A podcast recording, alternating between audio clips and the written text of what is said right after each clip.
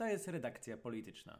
Tematy z bieżącej polityki krajowej i zagranicznej, omawianej przez studentów Koła Naukowego Publicystyki Politycznej UJ.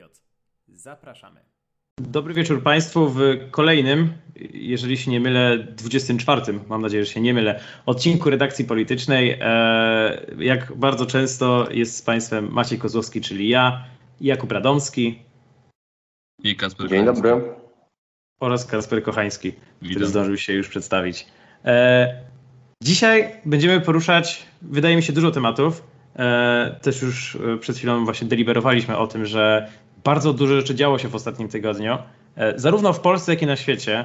I mam nadzieję, że uda nam się tak wyjątkowo bardziej wyjrzeć właśnie poza nasze polskie granice i porozmawiać o tym, co o tym, co działo się no, zarówno w naszym regionie, jak i nie tylko. No i co? Wydaje mi się, że powinniśmy zacząć od tego, i też, też już o tym przed chwilą rozmawialiśmy, e, od tego, co jest nam najbliższe, czyli o naszym sąsiedztwie, o Czechach, o Rosji, która no, często się o tym zapomina, ale też jest naszym sąsiadem, e, o Ukrainie. E, to ja zadam takie prowokacyjne pytanie na początek. Ono będzie bardzo głupie, e, ale może będzie ciekawym wstępem do tej rozmowy. Panowie, będzie wojna? Nie. Kiedyś na pewno, ale nie w najbliższym czasie. No to prawda, wojna e, kiedyś będzie, niestety, e, ale faktycznie w ostatnim czasie większość mediów polskich i nie tylko, tak jakby przypomniała sobie o tym, że ta wojna może dziać się niedaleko nas. I, I że ona faktycznie, no może jak nie powiem, że jest dla nas takim zjawiskiem realnym, tak, no nie jest dla zjawiskiem, które tylko występuje w, przepraszam za określenie, tych krajach trzeciego świata lub na tych odległych kontynentach, których no, bardzo często nawet dokładnie nie, nie znamy ich geografii. E, dlaczego tak się stało? Czy, czy chcielibyście może e, opowiedzieć o tym, co działo się, no, głównie tam na froncie, jeżeli można tak powiedzieć, rosyjsko-ukraińskim oraz może to, co Rosja robiła wraz z Czechami w ciągu ostatnich tygodni? No przede wszystkim warto wspomnieć o tym, że przez ostatnie parę tygodni była zauważalna dość mocna, szeroka, obszerna kumulacja wojsk rosyjskich w granicach, przy granicach yy, Ukrainy, czym zainteresowały się kraje zachodnie, zwłaszcza Unii Europejskiej, patrząc na, na tę kumulację przez pryzmat zagrożenia. Co jest oczywiście, co, co jest oczywiście uargumentowane jak najbardziej, zwłaszcza Ukraina, chociaż nie jest w Unii Europejskiej, czuła się najbardziej, y, w największy sposób zagrożona. Z racji tego, że wiemy, co działo się w 2014 roku i z historii powinniśmy, powinniśmy wyciągać konkretne konkluzje i w tym przypadku konkluzja wyszła jak najszybciej, jak najwcześniej. Działania, które państwa Unii Europejskiej, że tak powiem, bloku, bloku zachodniego podjęły, mm, odstraszyły w pewnym stopniu Rosję przed możliwymi militarnymi zagraniami, chociaż mimo wszystko uważam, że do tych militarnych, yy, że tak powiem, mechanizmów czy też najazdów Ukrainy by po prostu nie doszło. No, przyznam się, że ja właśnie też byłem trochę pozytywnie zaskoczony tym reakc- tą reakcją Zachodu na, na te działania lub, jak niektórzy twierdzą, prowokacje rosyjskie. E, Kuba, może ty chciałbyś szybko jeszcze zbriefować, e, o co chodzi w sprawie czeskiej i już przejdziemy do szczegółów tak naprawdę obu tych zagadnień, które są ze sobą związane. Jeśli chodzi o sytuację czeską, no to w sobotę mieliśmy e, oświadczenie, czyli tydzień temu. Mieliśmy oświadczenie, właściwie tydzień, dzie- dziewięć dni temu, bo nagrywamy to w sobotę, a puszczamy w poniedziałek. Mieliśmy oświadczenie czeskiego premiera, który mm, ujawnił, że e, za wybuch czeskich składów amunicji w 2014 roku byli odpowiedzialni, był odpowiedzialny rosyjski wywiad. E, Ten wybuch pochłonął mm, miliony czeskich koron na rekompensatę strat, zginęły dwie osoby i było tam kolejno, bo to, na to się złożyły dwa wybuchy. W składach było 50 i 98 ton amunicji, które jak się później, jak podaje jeden z czeskich e, dzienników, e, trafiły przez Bułgarię na Ukrainę. I e, czeski wywiad badał tą sprawę, ale przełom nastąpił mniej więcej trzy lata temu, bo kiedy okazało się, że za inną sprawę związaną z działaniem czeski, rosyjskiego wywiadu, czyli za próbę zabójstwa Siergieja Skripala. W Wielkiej Brytanii odpowiadają osoby, które użyły tego samego paszportu, którego użyły, użyło dwóch rosyjskich turystów w dzień eksplozji w Czechach. I mm, mniej więcej niedawno to śledztwo się zakończyło i ujawniono, um, ujawniono zaangażowanie rosyjskiego wywiadu w całą sytuację. No to ja się tutaj może włączę yy, i wydaje mi się, że taką dosyć też zaskakującą, ja dzisiaj będę wiecznie zaskoczony, e, dosyć zaskakującą rzeczą było dla mnie to, e, chociaż zrozumiałą, w związku z tym, że mieliśmy tutaj do czynienia też z ofiarami śmiertelnymi i bardzo dużymi stratami, że czeski premier nazwał działalność rosyjskich służb działalnością terrorystyczną. To nie jest byle jakie określenie, zwłaszcza, że właśnie ta działalność terrorystyczna dotyczyła tutaj terytorium e, Republiki Czeskiej. To jest terytorium państwa Unii Europejskiej i terytorium państwa NATO. E, I jeżeli się nie mylę, to struktury Unii Europejskiej jeszcze nie zareagowały na te doniesienia, aczkolwiek e, zarówno NATO, jak i między innymi e, North Atlantic Council już zareagował, nazywając też oficjalnie działalność rosyjską działalnością terrorystyczną. Kuba, tutaj widzę, że mi machasz. W czym chcesz się wtrącić? Mm, tak, to jest ciekawe z tego względu, że tak jak mówiliśmy przed nagrywaniem audycji, więcej w tej sprawie się jeszcze może zdarzyć niż się zdarzyło. To, z czym na razie mieliśmy do czynienia, to kryzys dyplomatyczny między Czechami a Rosją, związany z wydalaniem, z wydalaniem e, dyplomatów z ambasad. Zwłaszcza, że rosyjska ambasada w Pradze e, pełni rolę dość ważną z perspektywy wywiadowczej, ponieważ Praga jest trochę takim logistycznym zapleczem rosyjskiego wywiadu w Europie. I również raporty czeskich think tanków i, i nie tylko czeskich wskazują na to, że rosyjski wywiad prężnie działa w Czechach. Yy, I te relacje pozostawały dobre, mm, dlatego zaskakująca, zaskakująca dla wszystkich jest ta nagła zmiana narracji, ponieważ jeszcze, jeszcze dość niedawno yy, ten temat w ogóle nie wypływał, mimo że były pewne Wiadomo, że czeski rząd wiedział o tym wcześniej niż poinformował, poinformował opinię publiczną. Yy, I to wpłynie znacząco na kształt nie tylko stosunków czesko-rosyjskich, ale również bardzo ciekawa jest, będzie reakcja Unii Europejskiej mm, w związku z tą sprawą. Yy, ciekawa również będzie reakcja Polski. Na razie mamy z Rosjanami bilans trzech, trzech rosyjskich do naszych pięciu wydanych dyplomatów ale jeśli mm, bardzo ciekawa jest, jak, bardzo ciekawe jest, jak zachowa się Polska, która mm, stara się, a przynajmniej pretenduje do roli jakiegoś e, regionalnego lidera w tym jastrzębim podejściu do Rosji. No właśnie zdecydowanie trzeba wskazać, że to wydalanie rosyjskich dyplomatów stało się ostatnio modne, choć nie bez powodu.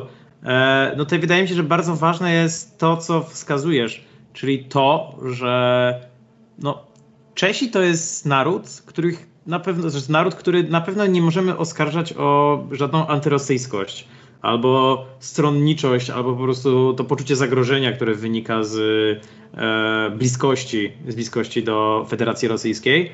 E, Czesi to jest naród, który przynajmniej w ostatnich czasach, w ostatnich dekadach e, bardzo koncyliacyjnie podchodził do Kremla i no, bądźmy szczerzy, tolerował to, że w jego placówkach dyplomatycznych no tak naprawdę służą one jako centrum wywiadowcze, bo to nie jest jakaś tajna wiedza, która nagle teraz wyszła, to nie jest tajna wiedza, którą my tutaj mamy jako członkowie KMPP, tylko no, przepraszam za kolokwializm, ale to było widać gołym okiem. To znaczy w momencie, w którym e, na no, ten mały kraj, jakim jest Republika Czeska, ambasada oraz inne struktury e, dyplomatyczne Rosji są niesamowicie wielkie w tym kraju i widać, że utrzymują one też e, bardzo zaawansowane kontakty z różnymi podmiotami w krajach sąsiadujących. W, na Słowacji, e, na Węgrzech, które co prawda nie są sąsiadujące, ale powiedzmy prawie.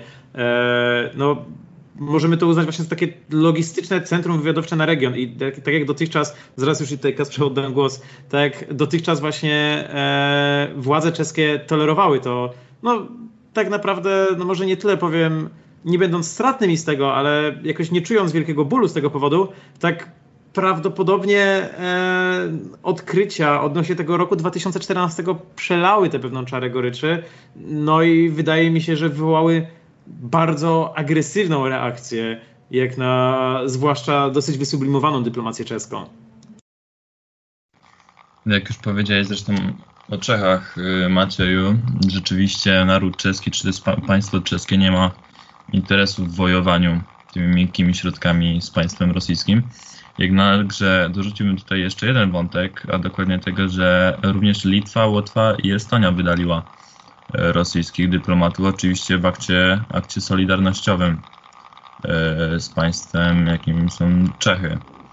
Czyli widzimy tutaj pewnego rodzaju zmasowany, lekki, może nie atak, a raczej obronę, mm, do której rzeczywiście w najbliższych dniach prawdopodobnie dołączy się Unia Europejska. Tylko, że moje pytanie dotyczy się tego, mm, nie jak zareaguje Unia Europejska, tylko czy opłaca jej się zareagować negatywnie, czy to jest bardziej radykalnie w stronie rosyjskiej, z racji tego, że od wielu, że nie od wielu lat, od ostatnich paru lat widzimy, że akurat współpraca pomiędzy Rosją a Unią Europejską jest jak najbardziej pozytywna i się coraz bardziej e, zacieśnia. Także moim pytaniem jest to, co się stanie i czy, czy będzie warto. Nie mogę się zgodzić z Wami odnośnie tego dość e, ostrożnego podejścia do mm, potencjalnej reakcji czeskiej czy unijnej. E, proszę, musimy pamiętać o tym, że cały, jeżeli ta sprawa już wyszła na jaw, wydaje mi się, że naj, naj, najwygodniej byłoby dla czeskich polityków, którzy są Mm, mają odmienną specyfikę niż politycy, polityka w Polsce, ponieważ nie odczuwają w takim stopniu strategicznego zagrożenia z Rosją.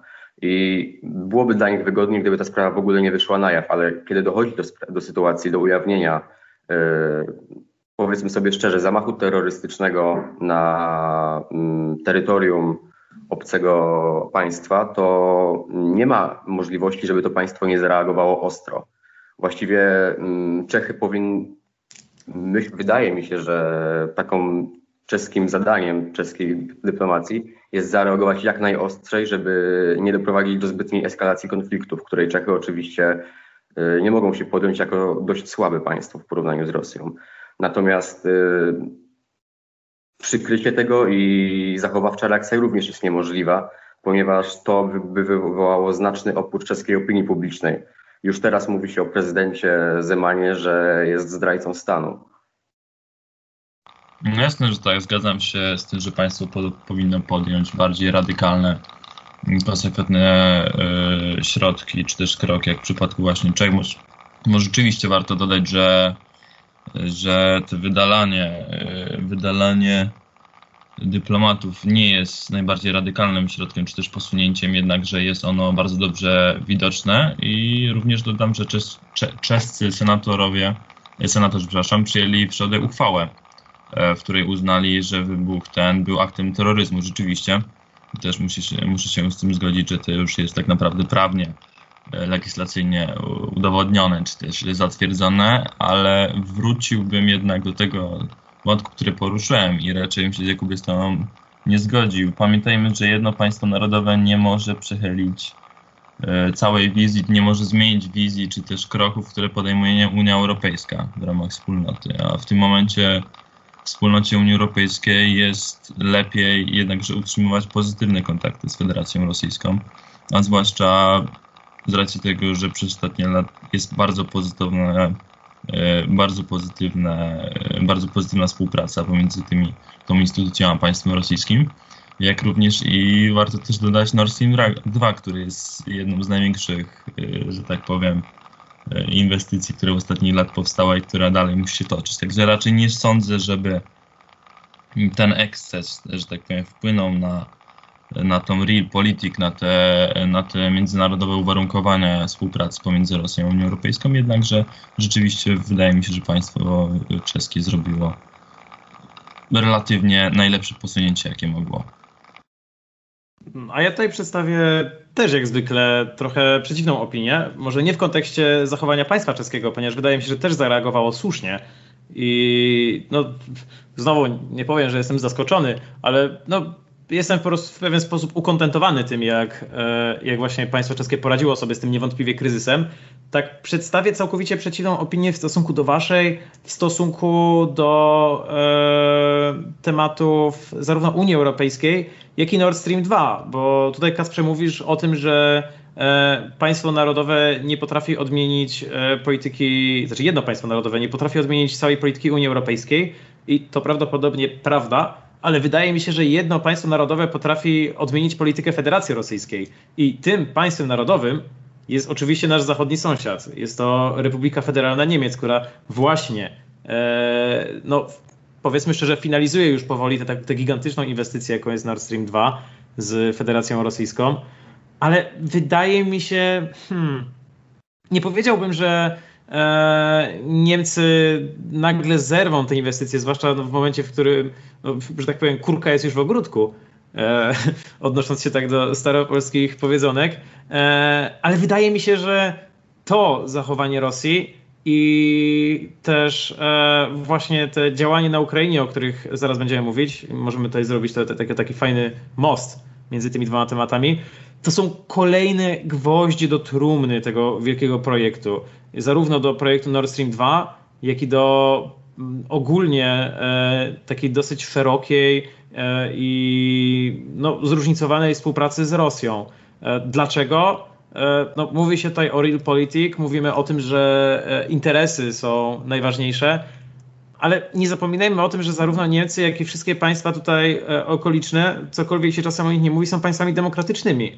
I to są państwa, których rządy właśnie zależą od, e, od woli wyborców. I ta wola wyborców, właśnie kiedy słyszę o tym, że Rosja stoi za wybuchami e, sprzed kilku lat na terenie Czech, e, kiedy słyszę o tym, że Rosja zbiera wojska na granicy z Ukrainą i nawet kiedy Rosja twierdzi, że oczywiście są to ćwiczenia, e, co prawdopodobnie jest prawdą, to, to dalej opinia publiczna przypomina sobie o tym, że no jednak Federacja Rosyjska to jest państwo, z którym bardzo niebezpiecznie się negocjuje, e, to wydaje mi się, że to są rzeczy, które naprawdę bardzo mogą zaostrzyć tę debatę publiczną w Niemczech e, w stosunku do Nord Stream 2, e, no, co też łączy się z tematem, który proponowano, no, żeśmy dzisiaj poruszyli, czyli no, rosnącymi słupkami partii Grune e, przepraszam za moją koszmarną wymowę języka niemieckiego, e, niemieckiej, czyli Partii Zielonych. No, tutaj widzę, że obaj się zgłaszacie do, do tego, żeby jakoś skomentować albo sprzeciwić się mi, więc zapraszam was obu. Kasper, może, może ty będziesz pierwszy. Śmiało. Jasne, także e, w pewnym stopniu, e, że mogę tak powiedzieć, udowodniłeś albo podpisałeś się może pod tezą, którą którą przedtem przedstawiłem, czyli tym, że interesy jednak są dość ważne. E, z drugiej strony, że mniejsze państwo raczej, że ma oczywiście jakąś tam moc sprawczą, czy może wpłynąć na agendę Unii Europejskiej, jednakże no nie ma za, dużego, za dużej siły przebicia. Mm, w tym przypadku rozpatrywałbym sytuację, kiedy, e, kiedy to rzeczywiście Niemcy w największy sposób mogliby wpłynąć na opinię Unii Europejskiej na temat y, Federacji Rosyjskiej, a raczej zaprzestaniu kontynuowania interesów z tym, z tym państwem. Y, jednakże muszę dorzucić y, jeszcze jeden wątek, czyli to rzeczywiście, że widzimy pewnego rodzaju kumulację negatywnych działań ze strony Federacji Rosyjskiej, czyli nie mówię tutaj tylko o o tych, o tym, tych zarzutach odnośnie wybuchów, jednakże właśnie o manewrach y, wojska rosyjskiego przy granicach Unii Europejskiej, na co oczywiście cała Unia Europejska dość radykalnie i szybko zadziałała, jak już mówiłem, czy, czy, czy też e, powiedziała, że nie, nie możecie tego robić, jest to niebezpieczny manewr. Tak rzeczywiście Unia Europejska cała w tym przypadku poczuła się zagrożona, także rzeczywiście kumulacja tych dwóch, y, tych dwóch wydarzeń, czyli manewrów, jak również i, i y, zarzutów o, o, o tak naprawdę jawny zamach, mm, w tym przypadku, że tak powiem, dało przebicie stronie czeskiej. Jednakże w momencie, kiedy interesy szły, przynajmniej według mnie, szłyby dobrze ze strony oczywiście Unii Europejskiej, Federacji Rosyjskiej, jakby współpraca się układała, rzeczywiście Czechy nie miałyby siły przebicia. Oddaję głos Jakub, bo widzę, że się zgłaszasz. E, tak, tak. No, wydaje mi się, że podsumowując temat czeski, no to mm, można powiedzieć, że tak jak mówiliśmy, więcej się to może jeszcze zdarzyć niż się wydarzy i tak naprawdę przewidywanie całych mandrów polityki międzynarodowej jest bardzo ciężkie, biorąc pod uwagę kwestie i tego realpolitik i e, kwestii upodobań opinii publicznej i interesów, które na Czechach, e, które Czesi z Rosjanami intensywnie prowadzą. E, natomiast to, o czym warto porozmawiać, to właśnie to, co się, to, co się dzieje już i o całym procesie, który się odbył z naszą wschodnią granicą, ponieważ e, to, co obserwujemy, to dość spora intensyfikacja tego konfliktu. Przez sześć lat on się wydawał być, on oczywiście nigdy nie był tak naprawdę wygaszony, ale opinia publiczna zdążyła, mm, zwłaszcza w państwach zachodnich, zmniejszyć swoje zainteresowanie sprawą ukraińską. E, teraz ten temat wraca i to wraca mm, w związku z tym nagromadzeniem się, powiedzmy, negatywnego rosyjskiego PR-u e, z dużą, z dużą siłą, ponieważ mamy i kontekst białoruski, gdzie Rosja wyraźnie ostrzega nas przed próbą powtórzenia scenariusza z Majdanu. Mamy kontekst Aleksieja Nawalnego, który kończy właśnie głodówkę w rosyjskiej kolonii karnej na polecenie lekarzy. E, I mamy kontekst Ukrainy, która mm, w słowach e, Wołodymira Zełańskiego e, mocno zapukała do NATO i trochę namieszała, mm, zamąciła tą kać opinii zachodniej w temacie akcesji Ukrainy do NATO. W sumie dobrze, że poruszasz właśnie ten temat e, akcesji ukraińskiej, bo wydaje mi się, że kiedy każdy z nas usłyszał o tym, co się dzieje właśnie za naszą wschodnią granicą i o tym, że tam znowu może stać się gorąco, to nie wiem, przynajmniej ja sobie zadałem takie pytanie i podejrzewam, że wy też. Dlaczego Rosja to robi? I to, było, to była jedna z pierwszych rzeczy, która mnie nurtowała, bo no jednak wydaje mi się, że jak bardzo często nie rozumiemy e, logiki działań rosyjskich, tak warto próbować bo może nam to bardzo dużo powiedzieć o tym, co będzie nas czekało w przyszłości. No i wydaje mi się, że właśnie te manewry, e, które były, no i ta, no może nie prowokacja, ale powiedzmy groźba, no bo trzeba to nazwać groźbą. Właśnie wojska rosyjskie starały się być widoczne, starały się, żeby cały świat usłyszał o tym, że e, one są tak naprawdę u granic ukraińskich, jak i nie dalej, to no może nie powiem, że to była pewna reakcja na słowa prezydenta Ukrainy, bo jeżeli się nie mylę, to te słowa zostały wypowiedziane później, ale to było, był właśnie pewien taki manewr wyprzedzający, e, wskazujący zarówno tym siłom zachodnim, jak i właśnie całemu NATO, że, na to, że no, słuchajcie, to nie jest wasza strefa. Takie przypomnienie pewne rosyjskie o tym, że no, mimo, że mamy tutaj do czynienia cały czas z konfliktem, to jest to, przepraszam za to określenie, ale strefa wpływów Rosji. Kasper? Oczywiście, że tak. Zgadzam się e, z Tobą, Macieju. Był to jawny, tak naprawdę, według mnie, moim zdaniem, oczywiście, pokaz, pokaz siły, że my dalej coś znaczymy, że to jest nasza, nasza strefa wpływów, prawda? Ukraina nie jest w Unii Europejskiej, także my tutaj możemy sobie harcować pod ich granicami. Mm, jednakże patrząc na tą strefę już realpolitik, co tak naprawdę to miało wnieść do tej bieżącej polityki, czy do jakichś wpływów? No, wydaje mi się, że tylko Putin chciał się przypomnieć, że wiecie co chłopaki, jakby tam na tym zachodzie sobie siedzicie, tu dalej jestem, tak. I wydaje mi się, że cały ten mechanizm zadziała z tego, że prezydent Biden również się do, do tych manewrów Mm, odwołał, także wydaje mi się, że tutaj Putin zaplusował, czy też rzeczywiście udało mu się, udało mu się spełnić to, swoje zamiary, czy po prostu przypomnieć światu, że jest taka persona i że rzeczywiście ma bardzo dużą władzę i aby go nie lekceważyć. Nie wiem, jak ty, Jakub, się na to zapatrujesz. Mm, no, muszę się z tobą zgodzić odnośnie przyczyn, y, przyczyn, dla których przyczyn, dla których e, Rosja pręży muskuły. Mm, to jest dość powszechnie rozpoznawalny fakt, że Rosja, agresja Rosji bardzo często wynika z pewnego strachu. I również nie do pominięcia jest e, sama, mm, sama koncepcja strachu przed byciem otoczoną przez e, wrogie sobie siły e, Zachodu. I również nie do pominięcia jest cała mm, koncepcja polityczna Władimira Putina, który przecież odnosił się, odnosi się już od dawna do rozpadu Związku Radzieckiego jako największej katastrofy geopolitycznej XX wieku. I on konsekwentnie realizuje ten plan i to prężenie mózgów również jest, jest elementem tego planu, żeby przypominać Zachodowi, e, żeby trzymał się z daleka od Ukrainy.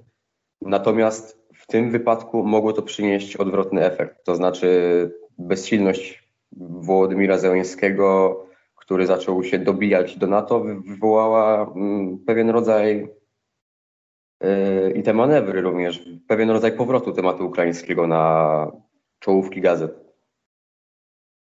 Dokładnie tak, że, ty, że tutaj się, yy, że tak powiem, wtrącę Maciej w twoją rolę, wejdę. Śmiało, śmiało. Mam, mam do was rzeczywiście pytanie z racji tego, że widzieliśmy, że te manewry się odbywają, że bardzo dużo, przynajmniej ja, słyszę opinii na ten temat, że jest to bardzo bardzo niebezpieczne i nie wiadomo, co przyniosą następne dni czy tygodnie. Jednakże y, również był argument, że po pierwsze, mm, taka ilość wojska wcale nie jest potrzebna Rosjanom do najechania Ukrainy. Oczywiście teoretycznego, czy po prostu geopolityczne dla nich jest to nieopłacalne. Jednakże jak myślicie, czy możliwe, możliwe by było w najbliższych dniach oczywiście, jakby Rosja nie wycofała się z tamtych terenów, żeby najechać Ukrainę? Czy, czy, czy taki scenariusz byłby możliwy? Co oczywiście Federacja Rosyjska by tym zyskała. No z racji tego przynajmniej w tym momencie według mnie by nic nie zyskała, ale jakie mogły być powódki? Nie tylko pokazanie siły, ale rzeczywiście aneksja, aneksja całej Ukrainy, połowy Ukrainy? Ja jako, przepraszam, że to powiem, student prawa, e, odpowiem poprawniczemu, to zależy. Mm, to zależy, co masz na myśli przez najazd.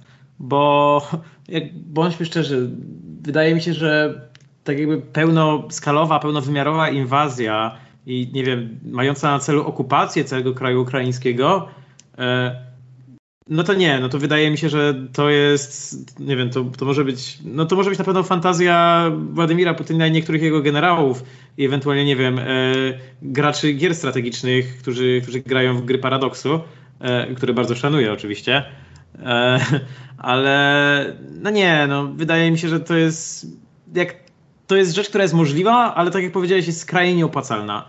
E, przepraszam, że to powiem, ale żyjemy w XXI wieku.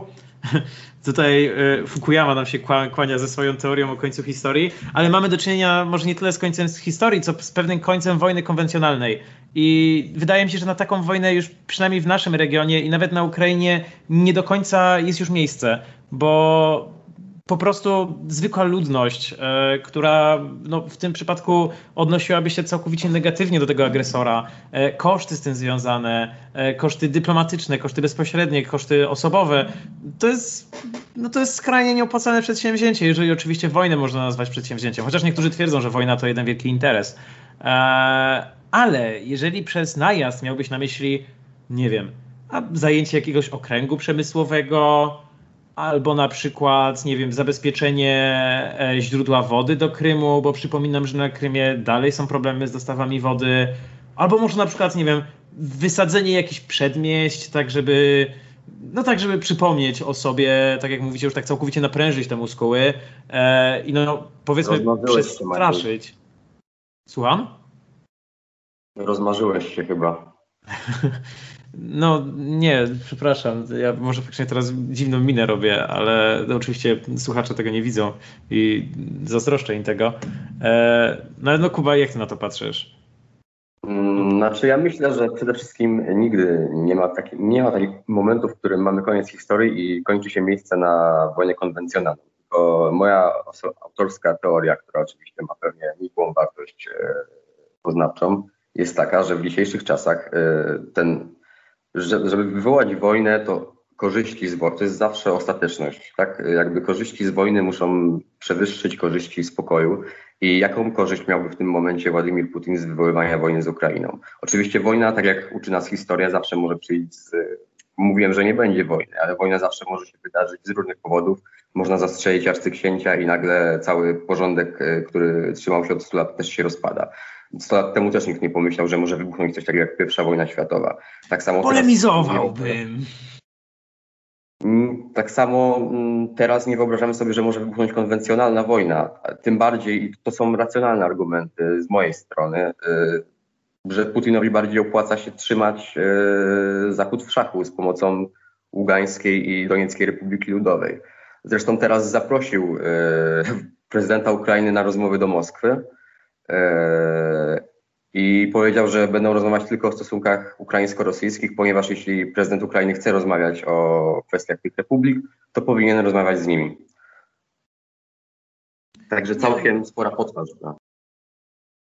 Tak, też mi się wydaje, e, że to było w sumie. Dobrze o tym wspominasz, bo faktycznie nie wspomnieliśmy o tym.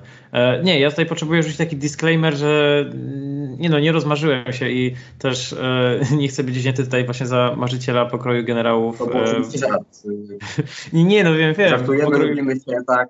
Wiem, Kurde. wiem, pokroju Władimira Putina. No może faktycznie też za daleko spojrzałem. Ale tak, no zgadzam się zdecydowanie z tobą, że koszta tutaj przewyższą korzyści, e, jakiekolwiek by te korzyści nie były. Bo na pewno nie widzimy wszystkich, ale no wydaje mi się, że to jest zbyt duża przepaść, żeby, no może nie powiem, żeby o tym myśleć, bo, bo, bo to brzmi strasznie dogmatycznie, ale żeby faktycznie patrzeć na to jako na zdarzenie prawdopodobne. E, dobrze, wydaje mi się, że chcecie coś jeszcze dodać do tego tematu, czy możemy przechodzić dalej, bo obiecałem e, zarówno... Myślę, że Podsumowujące, obiecuję, że to koniec zaraz. Myślę, że to, co Putin próbuje zrobić, to mm, potencjalnie odstraszyć y, Zachód od Białorusi. Przypomnieć, że on rządzi tutaj za żela swoją żelazną kurtyną i Ukrainy i Białorusi prosimy nie tykać. Być może jest gotowy na utratę Ukrainy w zamian za zachowanie Białorusi. Chcemy mieć pewno, pewne to, tą strefę też mi się wydaje, że to może być element pewnego większego gambitu, ale wydaje mi się, że o tym moglibyśmy zrobić cały specjalny odcinek i gadać o tym godzinami, jako e, domorośli, młodzi strategzy e, z Uniwersytetu Jagiellońskiego. Mm, no jednak zgodnie z obietnicami wobec Was, wobec e, siebie, wobec słuchaczy, e, e, musimy przenieść się tym razem dużo bardziej na zachód. E, I tak jak myślałem o ewentualnym takim tytule odcinka w mojej głowie, to przejść z tych rosyjskich rewolucji do amerykańskich ewolucji i do tego, jak ewoluowała amerykańska. Ach, ale to był, to był dobry tekst, mam nadzieję, że Wam się podoba. o tym, jak e, ewoluowała. Dziękuję. Amerykańska debata publiczna. E, o tym, e, co działo się w ciągu ostatniego roku i o tym, co się działo w ciągu ostatniego tygodnia. Tak, mówię bardzo enigmatycznie, przepraszam za to. E, już właśnie przybrałem tutaj dosyć poważniejszy ton i nie jest to w żaden sposób wymuszone, tylko to jest faktycznie poważna rzecz, o której e, powinno się poważnie mówić. W tym tygodniu, w zeszłym tygodniu, w, dla słuchaczy to jest poprzedni tydzień, e, zapadł wyrok na Dereka przepraszam, Dareka Chauvena, przepraszam, jeżeli źle czytam e, jego nazwisko, mam zawsze problem z nazwiskami amerykańskimi.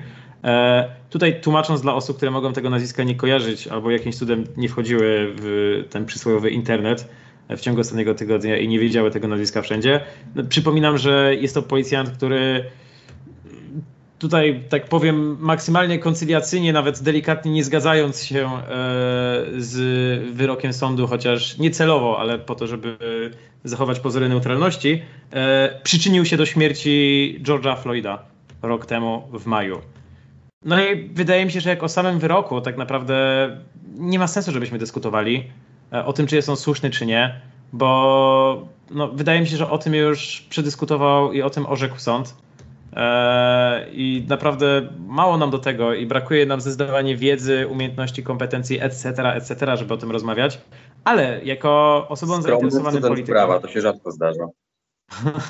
No, wydaje mi się, że tak, wydaje mi się, że akurat student prawa drugiego roku to jest osoba, która zdecydowanie może kontestować e, wyroki amerykańskiego sądu. No, wiemy, że tak działa hierarchia tutaj e, kompetencji prawniczych, ale już tak bardziej patrząc na serio, wydaje mi się, że to jest dobry moment, e, taka swoista klamra, żeby obejrzeć się za siebie, spojrzeć e, tak jakby na ten ostatni rok, co się działo i zastanowić się, czy to hasło, które zostało wypowiedziane przez e, rodzinę George'a Floyda i które z tego co wiem już pojawia się gęsto na muralach e, w Minneapolis i nie tylko, e, I can breathe now, czy to hasło jest wspólne z prawdą? Wydaje mi się, że zamiast tak podsumować cały rok, to zadam wam pytanie, bo ja bardzo lubię metodę sokratejską. Czy myślicie, że w ciągu ostatniego roku coś się zmieniło w Stanach? Otóż mi się wydaje, że wiele się zmieniło. Jednakże zmieniło się tylko w tej sferze, że tak powiem, symboliczno-hasłowej, z racji tego, że nie da się wejść głęboko w strukturę społeczną Stanów Zjednoczonych, która jest, e, szczerze mówiąc, bardzo zagmatwana.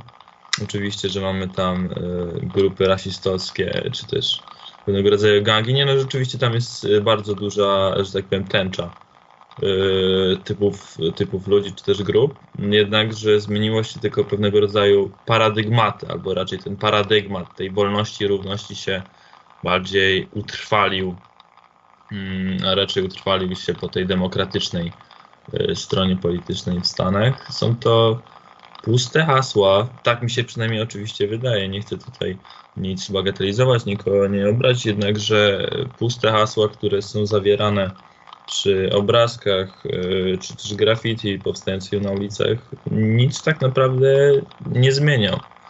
Paradygmat się rzeczywiście umocnił i będzie teraz na, w jego stronę, czy na, że tak powiem, na niego grała strona demokratyczna, nie, nie republikańska w Stanach i rzeczywiście wydaje mi się, że w przyszłych wyborach ten czynnik rasizmu, czy też e, walki rasowej, która rzeczywiście można powiedzieć, że jakkolwiek występuje, oczywiście nie jest to problem codzienny, ale rzeczywiście można systemowy rasizm tam wychwycić, będzie po prostu używana. Będzie używana, by przekonać demokratów, a, czy też ten e, chwiejny elektorat rzeczywiście, że jest problem, że do czegoś takiego doszło i głosując na nas, głosując na nas do takich ekscesów już nigdy nie dojdzie. A jak mówię, czy, czy jak już, czy, czy też powtarzam, jest to dla mnie trochę pustosłowie, sloganowe i używanie elementu zwykłego człowieka, tak naprawdę, który był w nierównej walce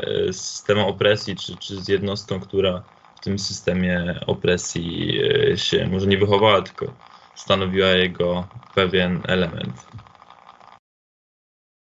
To ja zrobię tutaj jeszcze też bardzo brzydką rzecz i, zanim przekażę go Kubie, to zadam dodatkowe pytanie, tak żeby on nie był na nie przygotowany i, i, i nie wiedział, co zrobić. E, ale tutaj uprzedzam os osoby, które jeszcze nie są na studiach, albo przynajmniej nie są na studiach z nami, że bardzo często tak jest na zajęciach, więc, więc, więc, więc warto sobie nabyć tę umiejętność takiego szybkiego odpowiadania.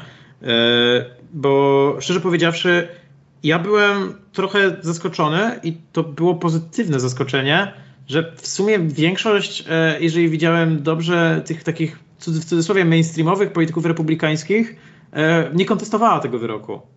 Tak jakby ona, większość tych e, polityków zgodziła się, że tak, ten policjant był zdecydowanie winny tutaj temu, co mu, mm, co mu zarzucano.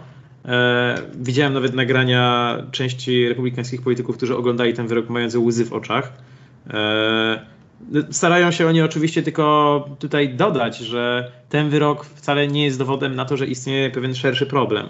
No i właśnie, z drugiej strony, strony tej demokratycznej, e, wydaje mi się takie czołowe postacie e, Partii Demokratycznej i ogólnie całego teraz tego w cudzysłowie demokratycznego establishmentu, czyli nie między innymi prezydent Joe Biden albo speakerka Izby Reprezentantów Nancy Pelosi, mówią dosyć wyraźnie, że cały ten system, e, cała instytucja policji, e, całe podejście zarówno do szkolenia policjantów, jak i do szkolenia ich e, w kontekście podejścia do osób różnych narodowości, że to wymaga głębokiej zmiany. Że zmiany wymaga cały ten system, który jest właśnie związany z, no powiedzmy tak szeroko, tym utrzymywaniem porządku na ulicach. Tak naprawdę Kasper już tutaj wyraził trochę swoją opinię o tym, co myśli, co się stanie. w związku z tymi deklaracjami, ale powiedz mi, Kuba, myślisz, że faktycznie no, tak w przeciągu tych najbliższych czterech lat, no bo załóżmy, że minimum tyle dajemy demokratom, e, czy faktycznie coś się zmieni? Jest taka e, anegdotka, e, wyposażony jestem całe szczęście w chińską mądrość. E, kiedy zapytano Zhou Enlaya, co sądzi o rewolucji francuskiej, e, to był, zapytał go Richard Nixon, to było jakieś no, parędziesiąt lat temu, co sądzi o Wielkiej Rewolucji Francuskiej, to podobno odpowiedział, że za mało jeszcze czasu minęło, żeby oceniać. Ja myślę, że w kontekście wydarzeń amerykańskich można powiedzieć to samo. To jest stosunkowo młode społeczeństwo, które właściwie od kiedy pamiętamy przechodzi jakieś przemiany, czy to 68 rok, E, Dzieci Kwiaty, e, lata 80., później ta rewolucja, rewolucja konserwatywna e, teraz przeżywa również stosunkowy kryzys i trudno powiedzieć, co będzie za 4 lata, ponieważ to jest taki moment, to jest taki moment graniczny dla tego społeczeństwa. Natomiast jeśli mógłbym przewidywać, mm, jak zachowa się i rząd demokratyczny, Myślę, że to jest zbyt duża sprawa, żeby pozostawać z, z nią biernym, ale czy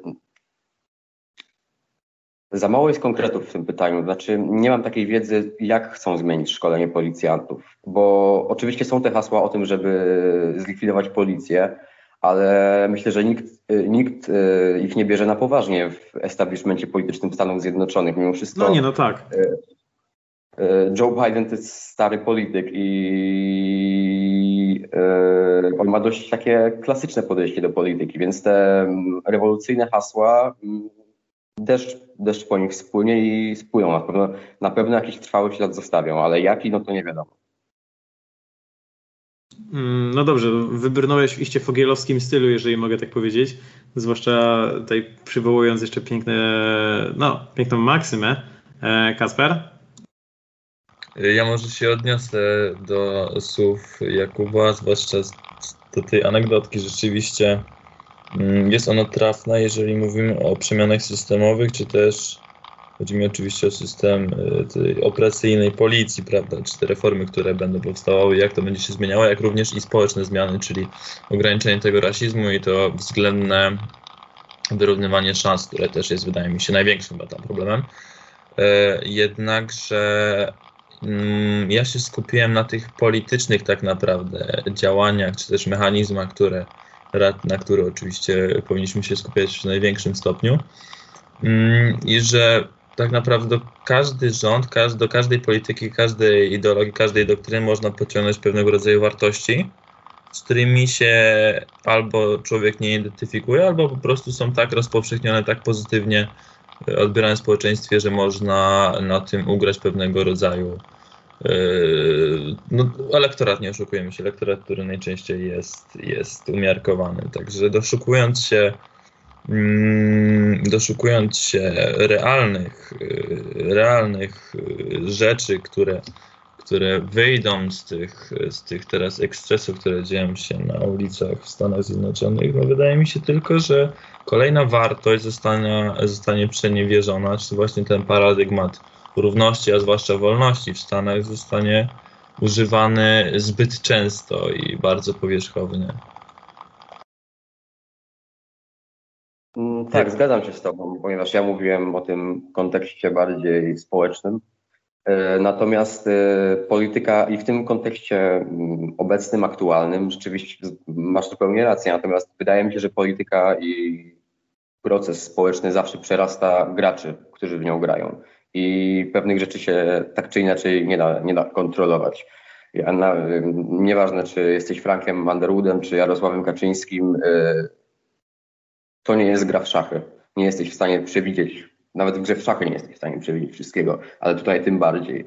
I trochę mm, to jest proces, nad którym ludzie stracili kontrolę i można starać się wykorzystać y, do cynicznych celów, y, do doraźnych celów, ale na pewno pewne i pozytywne wartości, i te negatywne mm, skutki, ponieważ rewolucja, jak każda, zjada własne dzieci, również w tym przypadku, i jest pewien element psychozy w tym wszystkim, to Myślę, że na pewno przyjdą jakieś zmiany na lepsze, yy, jeśli chodzi o, o napięcia rasowe, ale czy to jest jakaś, yy, to będzie ewolucja, jak mówiłeś, a nie rewolucja. To ja mam może ostatnie pytanie do tematu, a raczej yy, pytanie chyba go zakończające. Jeżeli rewolucja zjada swoje dzieci, to kto będzie tym Robespierrem Nie wiem, czy potrafię odpowiedzieć na pytanie. Jakbym potrafił, to nie, wiem, nie wiem, czy bym no, chciał. Ja też nie potrafię. To, to, to, jest taki, to jest taki frazes, nie, nie oczekuję ode mnie tutaj całej analizy yy, historyczno-porównawczej. Nie, nie wolno na podcaście przyznawać się do niewiedzy. Kuba, przestań. E, dobra, ja w takim razie przejmę tutaj pałeczkę.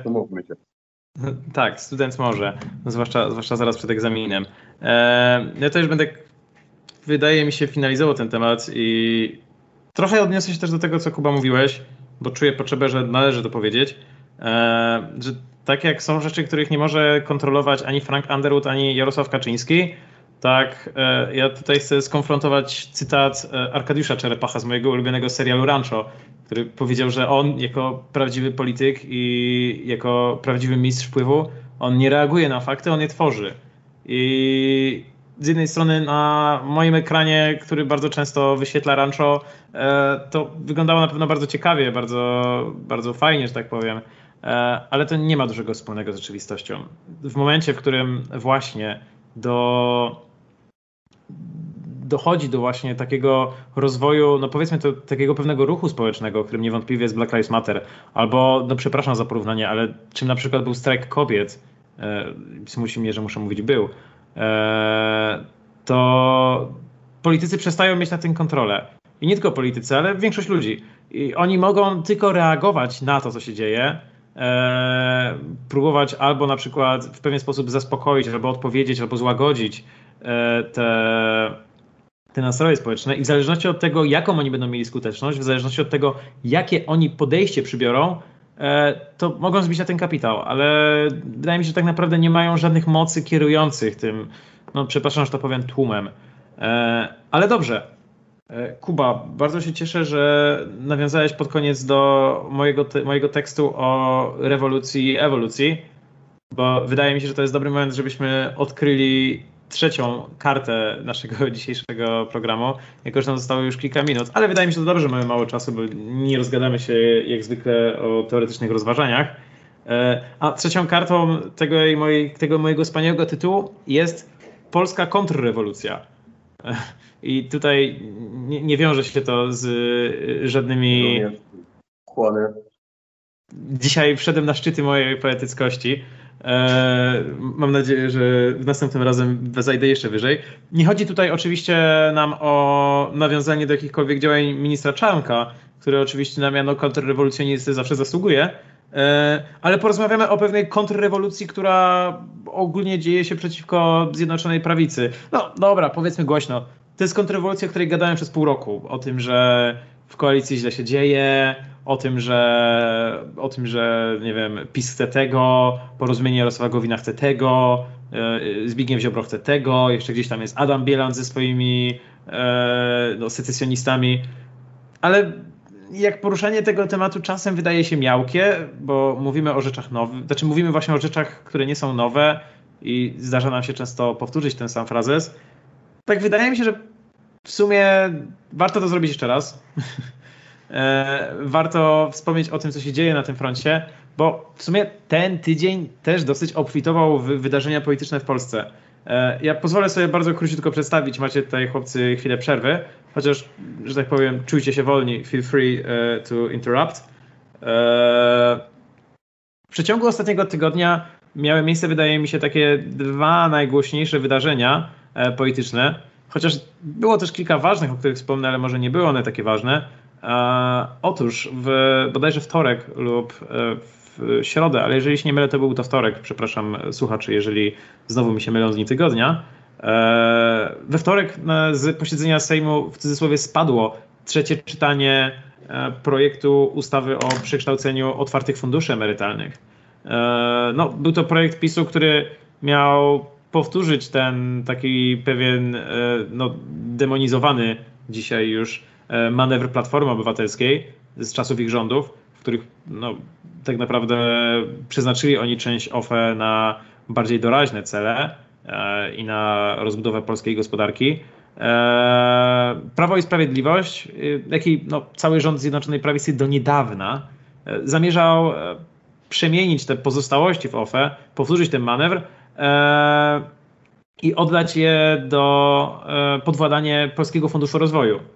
No, to jest instytucja, o której w sumie do niedawna aż tyle nie słyszeliśmy. To jest instytucja, którą, której przewodzi Paweł Borys, e, bliski współpracownik Mateusza Morawieckiego.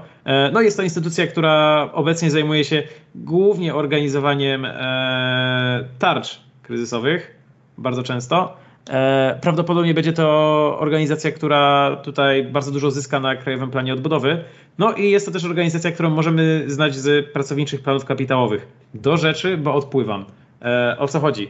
Na posiedzeniu Sejmu we wtorek e, właśnie punkt, e, który zakładał trzecie czytanie tego projektu ustawy i to wzmocnienie właśnie Pała Borysa, czyli bliskiego współpracownika Mateusza Morawieckiego, no, spadł z porządku obrad tak naprawdę dzięki wyrażeniu medialnemu braku poparcia przez partię Zbigniewa Ziobry, przez Solidarną Polskę.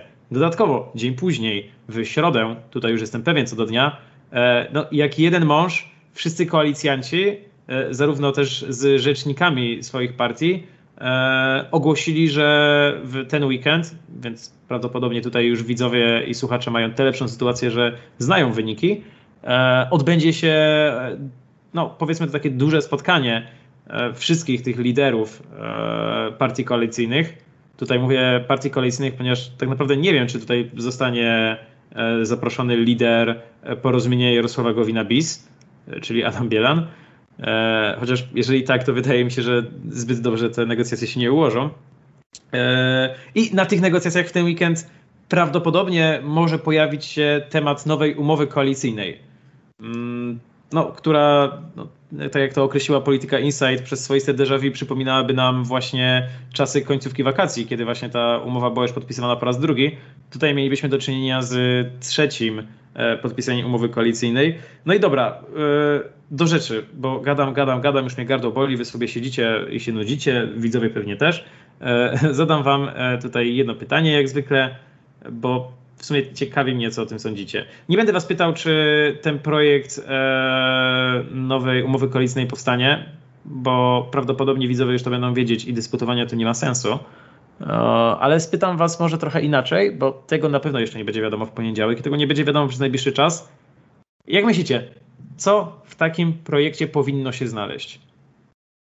Czego potrzebuje PiS? Czego potrzebuje porozumienie? Czego potrzebuje Zbigniew Ziobro? I czy jest miejsce w tym na Adama Bielana?